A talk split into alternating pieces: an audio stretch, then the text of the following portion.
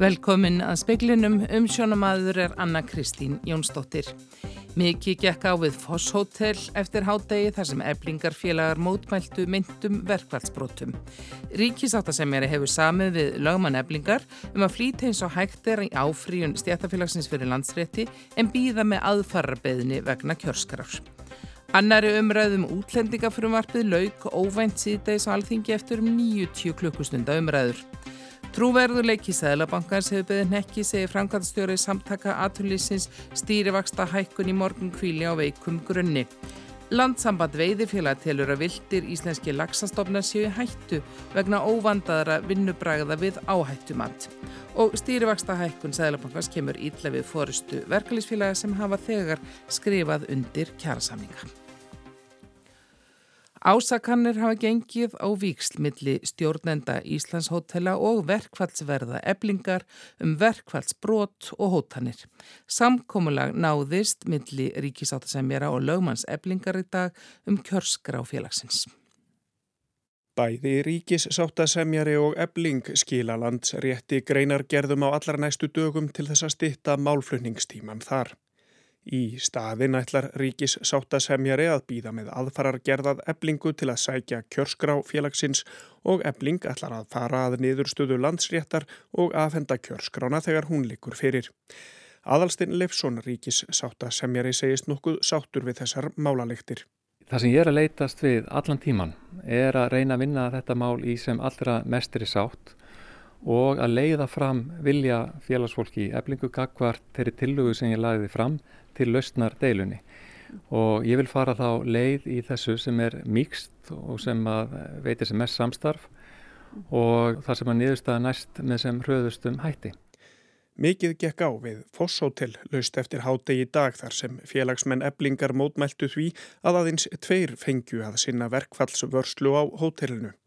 Forsvarsmenn Íslands hótela greindu frá því að þeir ætluðu ekki að hleypa verkfallsvörðum eblingar frekarinn á hótel sín vegna hótana þeirra gagvart starfsmönnum annara stjættarfélaga á hótelunum. Í yfirlýsingu frá eblingu sem send var síðdegis í dag eru stjórnendur Íslands hótela sagaðurum verkfallsbrót. Eblingarfélagar er engin verkfallsbrót, það eru engin verkfallsbrót, það eru engin verkfallsbrót í gangi. Eftir samningaumleitanir með milligöngu samtaka atvinnulífsins var samþygt að fimm eblingarfélagar færu inn á hótelið að sinna verkfallsvörslu gegn því að aðrir færu af vettfangi.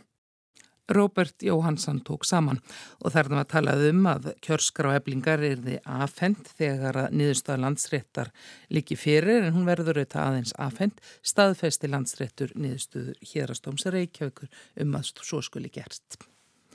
Annari umræðum útlendingafrumvap dómsmálaráð þeirra lauk nokkuð óvænt á alþingi í dag þegar þingminn Pírata sem hafa verið sakaður um málþóf tóku sig af mælendaskrá. Fá önnur mál hafa komist á dagskrá alþingis eftir að það kom saman eftir jól. Þingminn hafa rætt um málið í rúmlega 90 klukkutíma. Artís Anna Kristína dóttir Gunnarsdóttir, þingmaður Pírata, helt 130 ræður um þetta á alþingi og hún beindi orðum sínum að stjórnarflokkonum í síðustu ræðunu í dag.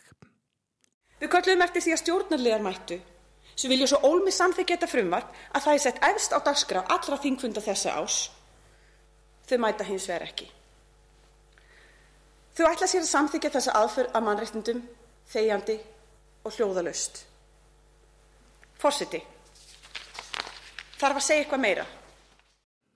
Og þetta saði Ardís Anna Kristína dóttir Gunnarsdóttir frumarpið fer til umfjöllunar í allsærir og mentamálan nefnd áður en það kemur til þriðju umræðu. Það er ræðutími takmarkaður og því ljóst að það verður afgreitt frá alþingi á næstu vikum. Haldur Benjamin Þorbergsson, framkvæmdastjóri samtaka aðtulísins, segir að vaksta hækkun Sæðlabankans í morgun hafi ekki komið á óvart. Það hafi hins vegar raukstuðningurinn gert trúverðuleiki bankans hafi beðið nekki. En raukstuðningur vaksta hækkunarinnar kvílir á mjög veikum grunni. Í lóku oktober saði Sæðlabokastjóri að vaksta hækkunarferlinu var lokið. Við undirritun kjærasamninga saðan að peningastefnunend og Sæðlabankanur litist vel á kjærasamninga. Þeir hafa ekkit breyst í millitíðinni og nú er það hljóðkomið í strokkin að þetta sé fyrst og hennst kjærasamningunum að kenna. Trúverðuleiki bankans hefur beðið nekki við þessi, við þessi skilabóð. Sagði Haldur Benjamin Þorbergsson og nánarverður fjallaðum stýrvaksta hækkunna síðar í speklinum. Formaði landsambands veiðifélaga gaggrínir harðlega að svo verið sem áhættumatti fyrir lagseldi hafi verið breytt á hæpnum forsendum og mögulegt eldi aukið án tilipnis. Eitt af því sem gaggrínt er í skýrslu ríkisendurskoðunar er nýjasta áhættumat hafnansóknastofnunar. Það segir til um hver mikið megi ala af frjóumlagsi án þess að hætta á erðablöndun við viltanlags verði of mikil. Í áhættumatinu sem er frá 2020 var leifilegt eldismagn á austfjörðum og vestfjörðum aukið um 20%, aðalega vegna reikni stöðuls sem lýsir sambandi hámarksframleiðslu og heildar lífmassa í sjó á eldistíma. Jón Helgi Björnsson, formaður landsambands veiðifélaga, segir vonbreyði að Havró byggja ákvarðanir um eldismagn á hæppunum forsendum. Og uh, samkvæmt þessari skýrslu ríkisöndu skoðanar er alltaf líkur á því að það er upplýsingar hafi verið rángar. Og fórnalambið í slíkur um vinnubröðum eru þetta íslensku lagsastofnum sem þetta áhættum að á að venda. En nú hefur ekki komið til þess að menn full nýti í rauninni þessar heimildir þannig að þetta hefur nú kannski sloppið til? Þetta mætti lagfara þetta og lækka heimildirnar en það er ljóstinsar að mennur hafa væntingar um þessar aukningar og þetta sýnir í rauninni bara það að kerfið er meira að minna allt byggt að þessum hagsmunum þessara erlendu stofnfyrirtækja. Byggist meira að minna allt að því að auka þessa framlustlu og ekki að því að venda náttúrunum sem það ætti að gera. Saði Jón Helgi Björnsson, Rúnar Snæri Reynisson talaði við hann. Volodymyr Zelenski, fórseti Úkrænu, er væntanlegur til Parísar í kvöld.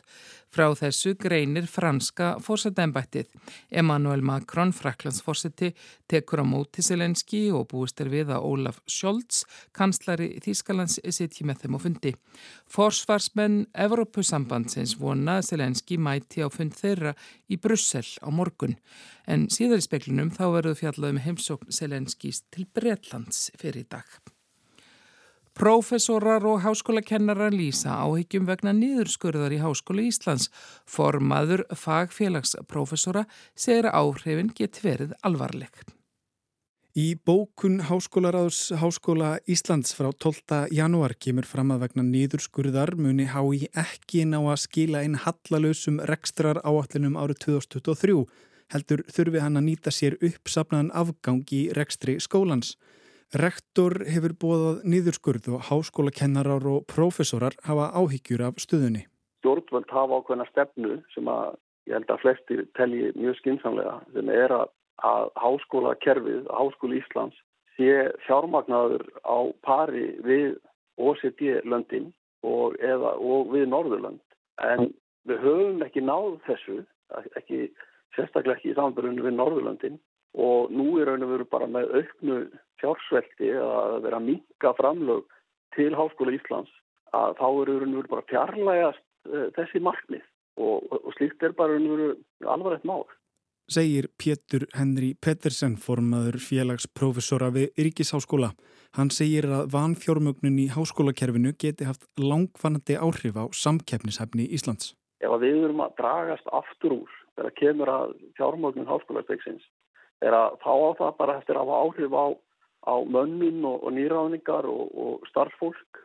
Það, þetta er náttúrulega líka mögulegt að hafa áhrif á velíðan eða starfsánægi starffólks en í svona stóru myndinni að þá hefur þetta áhrif á gæði mentunar. Saði Pétur Henry Pettersen, Pétur Magnússon talaði við hann. Sænska lögregla neytaði dag að leifa, gefa leifi fyrir mótmælum þar sem átt að brenna eintak af kóranunum. Sjálfgefti er að sænska lögreglan banni mótmæli en benti var á að frekari mótmæli gæti horið kveikjað hriðjuverka árásum eða árásum gegn hagsmunum svíþjóðar. Fórseti Tyrklands sagði í lok januar að Tyrkir gætu ekki samþygt aðvildar umsókn svíja að Allandsásbandalæginu á meðan sænsk yfirmöld leifiðu mótmæli þar sem kvikt er í kóranunum. Fyrir hafði hann sakað svíja með heilma yfir með kurdískum hriðverkamönnum. Öll aðeldaríki NATO verða að samþykja umsókn nýra ríkja og við ræðum á milli svíja og Tyrkja hefur verið frestað ótíma bundið. Sænska öryggislauruglan SEPO varaði við því fyrir í dag að hriðverka ógagvar svíþjóð hefði aukist undanfarið.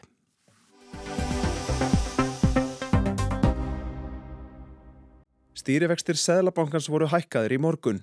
Þetta er í 11. skipti í röð sem vextirnir eru hækkaðir. Vextir af sjödaga innbundum innlánum er orðnir 6,5%. Þeir hafi ekki verið svo háir síðan árið 2010. Verðbólka í nýlinum mánuði var 9,9% en undirlikjandi verðbólka 7%. Sælabankastjóri segir kjærasamninga hafa reyn stýrari en vonir stóðu til og því þurfi að hækka vextina. Fórista verkalýsfélaga sem hefur nýverið skrifað undir kjærasamninga fordæmir hækkununa og segir hann að gera kjærabætur nýra samninga að engu. Vilhelmur Birgisson, formaður starfsgrunarsambandsins, segir í pistli á Facebook að enn og aftur kenni Sælabankastjóri verkalýsreifingunni um stýrivaxtahækkun. Sælabankin sé að stefna heimilum og fyrirtækjum í landinu í ógöngur með framferði sínu og þurki upp ávinning af þeim kjærasamningum sem gerðir voru nýverið. Hún auki einni gríðarlega álugur á fyrirtækin með hækkun á fjármagskostnaði þeirra. Haugur Holm rætti við Ásker Jónsson Sælabankastjóra í dag. Eitt af því sem nefnið eru launahækkanir nú er búið sem ég við stóran hluta launamanna sem er nú kannski á þeirri skoðun að þetta hafi verið hóflegi samningar. Er þeir það ekki? Það verður ekkert náttúrulega við, viðkóðum miður.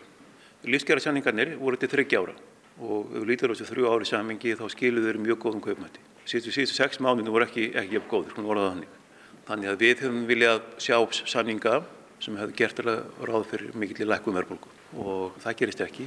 Einhverju leiti tel ég að vinnumarkans að það tæli sig fyrir að bætu fyrir verðbólku sem kom fram á síðast ári. En hvað sem því líður? Það sem við þurfum að gera er að tryggja það krónuna sem við samiðum þar hafi verðgildi. Að því að í því ástandi það sem mikil verðbólka og mikil háar verðbólkuvendingar þá bara fara launahækkanir bara út í verðlag og bara fyrirtekin bara hækka. Það sem við erum núna að reyna að gera er að tryggja það að þessar krónur hafi verðmætti og sem okkur ber saman lögum eru þessar krónur sem er nýbúið að semjum, eru þær farnar? Nei, það er ekki farnar. Eh, við erum núna að gripa til aðgera til þess að þær hafi eh, verðamætti og vonandi þess að fólk leggji eitthvað þessum krónum fyrir í sparnað sem, sem myndi náttúrulega vera mjög gott. Eh, nú er þetta skamtíma samningur, þetta er rétt í rúms árs. Það kom fram hérna á þann að nú þurfum þið að sína, sína hlutinni gangi því að það er stutt í næstu samninga gerð. Hafið þið þetta ár til að samfara vinnumarkaðin um að langtíma samningar þurfa að vera öðrum nótum? Ég hérna lít svo á. Nú er verðbúka 9,9% sem er allt og átt. Ég lít svo á að við þurfum að sína fram árangur. Já. Og okkur sé alvara með því að halda verðstöðu líka og að við þurfum að gera eitthvað. Og þannig að þegar það verður sest niður og samið vonundum langtíma samninga þá likið það alveg skýrt fyrir að við þurfum námið verðbúka. Miðstjórn ASI hafnar því að skýringuna sé að finna í kjærasamningum á almenna vinnumarkaðnum.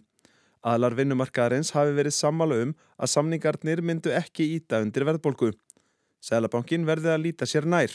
Að stórum hluta megi reykja verðbólkuna til heimatilbúnar fastegnabólu og alþjóðleira verðhækana.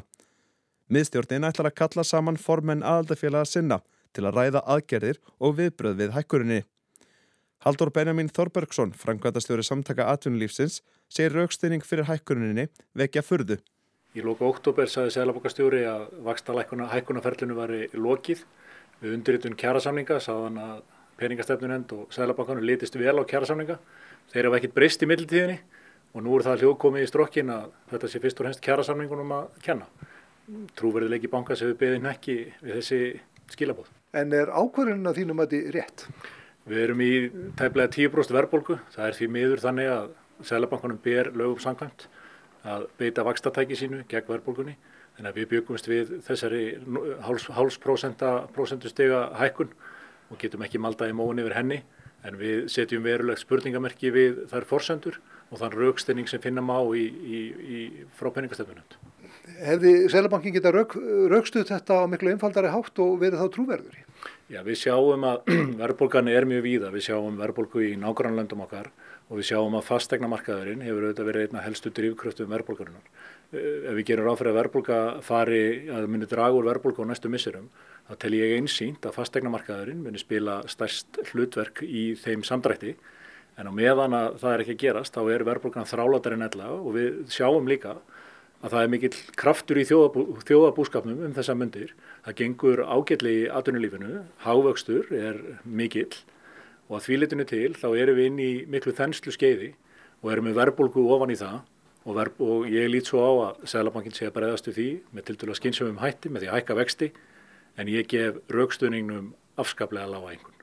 Og Ragnar Þór Ingólfsson, formadur Vaffer sem einni á sæti í miðstjórn ASI, segir að kjærasamningarnir gefi ekki tilöfni til að hækka vexti. Þetta er bara eins eh, fráleitt og hugsaðst getur. Ég held að sjá það allir eh, að eh, kjærasamningarnir sem við vorum að klára hafi verið eins hófstiltir og, og mögulegt var með allt sem hefur verið að hækka hér og með það verðbólku sem við erum í og, og þessar yfirlýsingar, með við fyrri yfirlýsingar þar sem að þessum sömu kjærasamningum var rósað að, að nú er komin einhver ný skýring. Eh, ég held bara að Sælabankin og Sælabankastjóri hafi bara einfalla og sé búin að tapa öllum trúveruleika í þessu samfélagi. Sælabankstjóri mitt sagði á sínu tíma að, að þessi samningar væru, já, væru góðir. Já, hann, hann, hann, hann lísti því yfir og nú er bara komið eitthvað annar hljóð eins og svo oft hjá peningastefnu nefnd og Sælabankunum að það kemur alltaf ný og ný skýring með hverju hækkunni og við skulum alveg átt okkur á því að ef við tökum bara skuldir fyrirtækjana þá er þessi 0,5% styrfastahækkun ef þetta fer yfir á skuldir fyrirtækjana þá hækka það um 27 miljardar það fer bara beint út í verðlægið og 27 miljardar er um þriðingur af því sem kostaði að klára kjærasamlingana og þetta er bara ein ákvörðum sem að, að Sælabankin er að raukstiða með þessum hætti. Og þetta er bara já, maður er eiginlega bara sko orðlaus að, að, að hlusta á hana málflutning. Við erum byrjuð að ræða næsta kjærasamling og það er alveg ljóst að vandi sem við stöndum framifyrir er til dæmis þessi snjóhengja af eh, overtröðum eh, fastegnarlánum sem að bera fasta vexti. Og, er, og þau, sagt, þau lán eh, losna núna á næstu 12 og 24 mánuðum. Og með hvað Sælabankastjórin og Sælabankin er búin að keira upp vexti að þá má leiða því líkur að þúsundur heimala muni fá tvöföldun á, á, á, á greiðslubyrði húsnæðislánuna sinna þegar að vextirnir losna og þessi staða í sjálfur sér, ég minna ef, ef, ef, ef að húsnæðiskostnar, hvort sem að það sé lán eða leiga, hækkar um 100.000 kall, þá þurfum við að semja um 160.000 krónar launahækkun eða 165.000 krónar launahækkun til þess að standa til þeim kostnaði. Þetta er eiginlega orðið svo, svo yfirgengilegt, þessi staða sem að verið að setja okkur í, í verkefliðsreifingunni og bara samfélagið allt með þessu sko gengdalösa degri við fjármálakerfið. Það er ekki talað um hagnað fyrirtækjana. Fyrirtækin eru að, er að auka arsemiskröfu sína. Þau eru að hagnast meira og meira og meira. Þau grætti nú 2001, 2021 434 miljardar var hagnaði fyrirtækina og hann hefur verið að aukast og aukast. Arjónbanki er búin að hækka arsemiskröfuna sína. Áhverju er ekki talað um þetta? Þetta er, e, e, þetta er eiginlega bara orðið störtlað ástand. Bankarnir til dæmis eh, hafa aukið eh, hreinar vakstatekið sínar eh, á milli ára um 27 miljardar. 27 miljardar hafa þeir fengið augalega í hreinar vakstatekjur á síðasta ári með að við meta árið 2021 og þetta er bara uh, sko, þetta er bara hrein störlun. Sæði Ragnar Þór Ingólfsson, Bjarni Rúnarsson tók saman.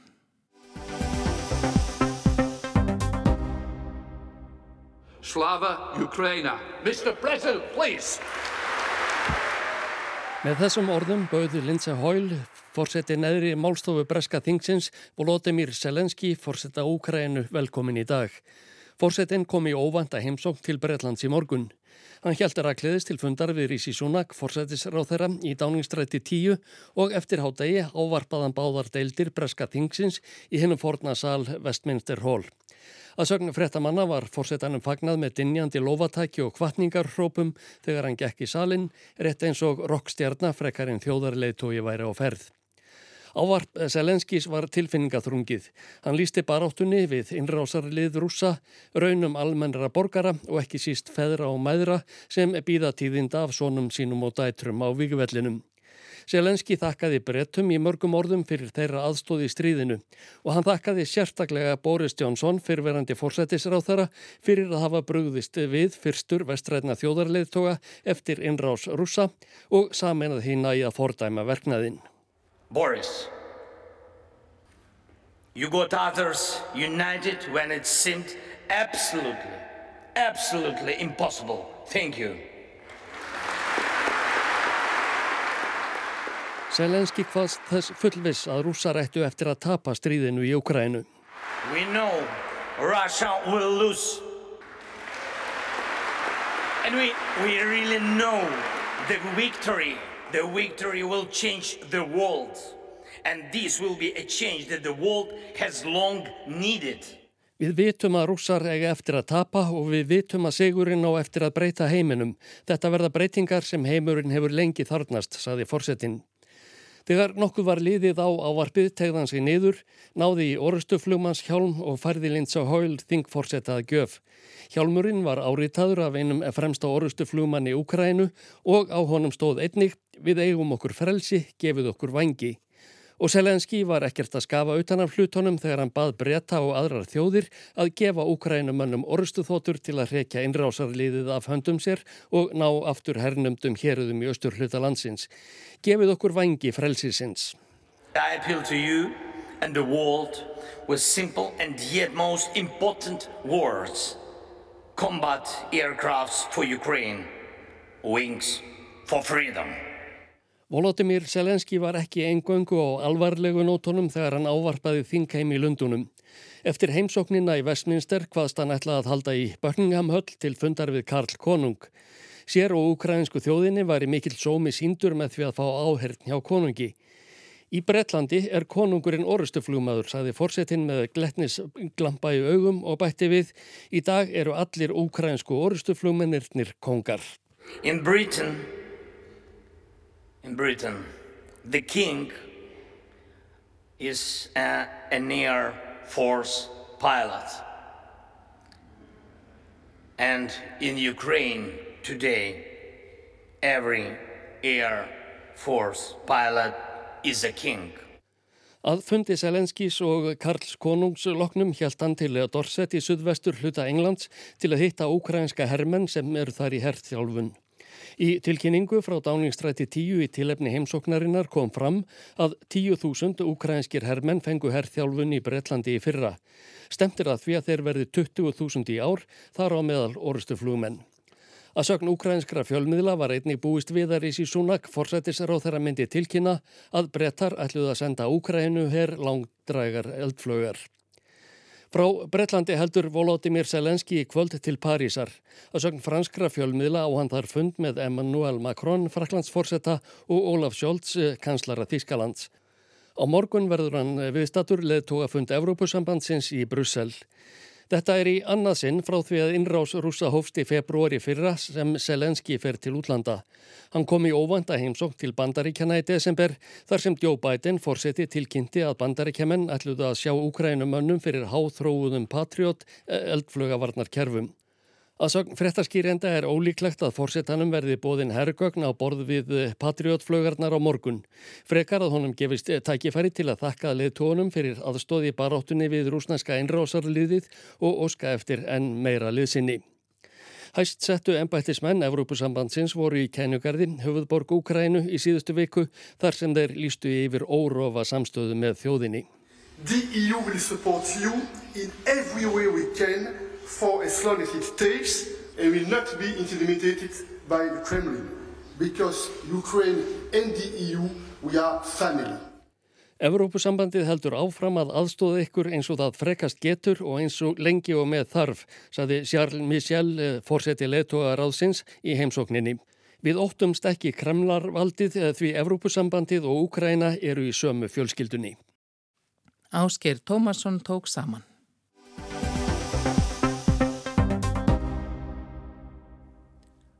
Forstuðumæður fjölmenningasettur segir að líta eigi á fólk sem leitar hér skjóls sem innflytjendur. Í morg hodn sé að líta en á sjötta hundra flóttamenn hafa komið til landsins þar sem aðver ári. Nikól Mósti, forstuðumæður fjölmenningasetturs, segir helstaverkefnið vera að byggja brýr millifólks.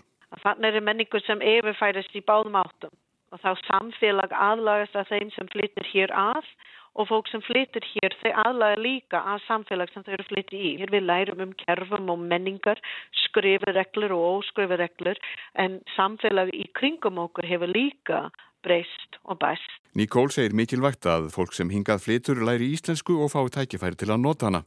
Eins þurfið að læra á kerfið og til þess sé bóðuð upp á upplýsingaviðtal og samfélagsfræðslu. Við veitum víða mikið upplýsingur um ímsum kerfum alla skráningur inn í kefnum, hvernig þetta virkar, hvað þetta getur leita aðstóð og við uh, vísaðum af uh, rákjafur á vegum, okkur vegum hér Við sleppum þeim ekki. Þá að þeir komi hér í gegn og fá fyrstu stíg með upplýsingur þá eru þeir alltaf með tengs hér og vinnumálastofnum enn og eftir býður upp á samfélagsfræslu. Maður sér líka í litlum sveitufélag líka eru félagsstjónustu og annað reyðubúin til þess að hjálpa með þessi skýring og menningamunur á kerfum.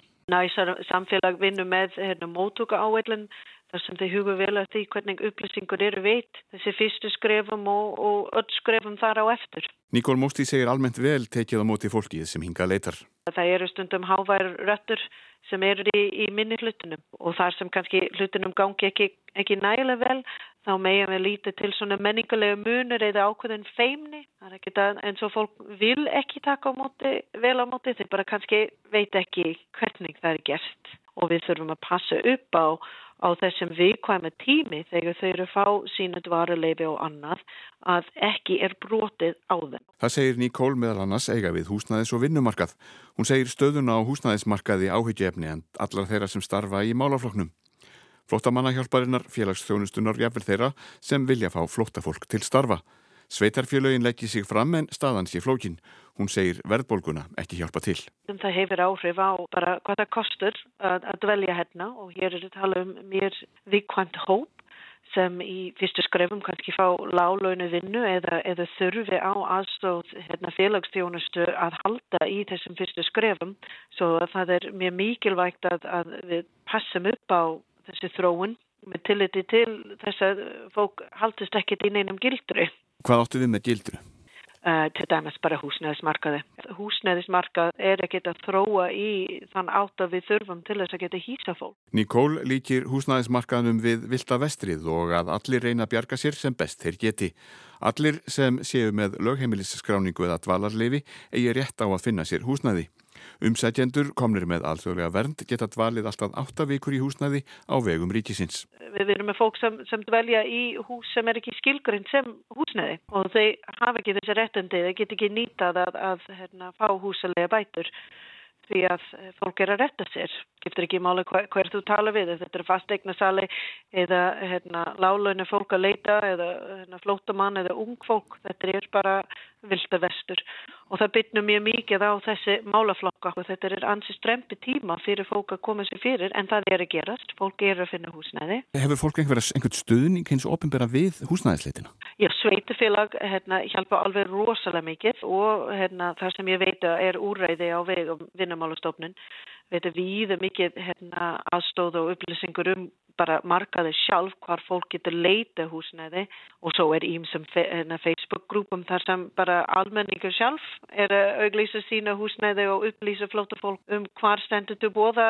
leiguhúsnæði. Nikól Mósti segir flótafólk á mikinn stuðning við atvinnuleit. Ákveði teimi innan vinnumálastofnunar veitir ráðgjöf til flótafólks og þeirra sem higgjast ráða það til vinnu. Við erum til að sjá um atvinnuleifi fyrir þeim sem eru með mannúðuleifi sem úkrænamenn eru með en hins vegar Venezuela hóp þau fæði það sem er viðbótu vendið dvaraleifi á landinu þar sem þeir mega fara út og, og fá sér vinnu. En vinnumálastofnin er innan við hendi við atvinnuleit, uh, ráðgjöf hjálpa með að gera feroskrá, um, þau eru með hlutverk að veita fólk aðganga af íslensku kennslu og samfélagsfræslu sem, sem er mjög mikið stuðning við að, að koma á vinnumarkaði og náms- og starfsrákjafir líka á þeirri teimi sem starfa með fólk af velendum uppurna og þar meðal sérstaklega flótafólk. Saði Nikól Mosti, Markus Þórhaldsson talaði við hana. Veðurhorfur á landinu til miðnættis annað kvöld, það verður minkandi vestanátt og dregur úr jæljagangi í nótt.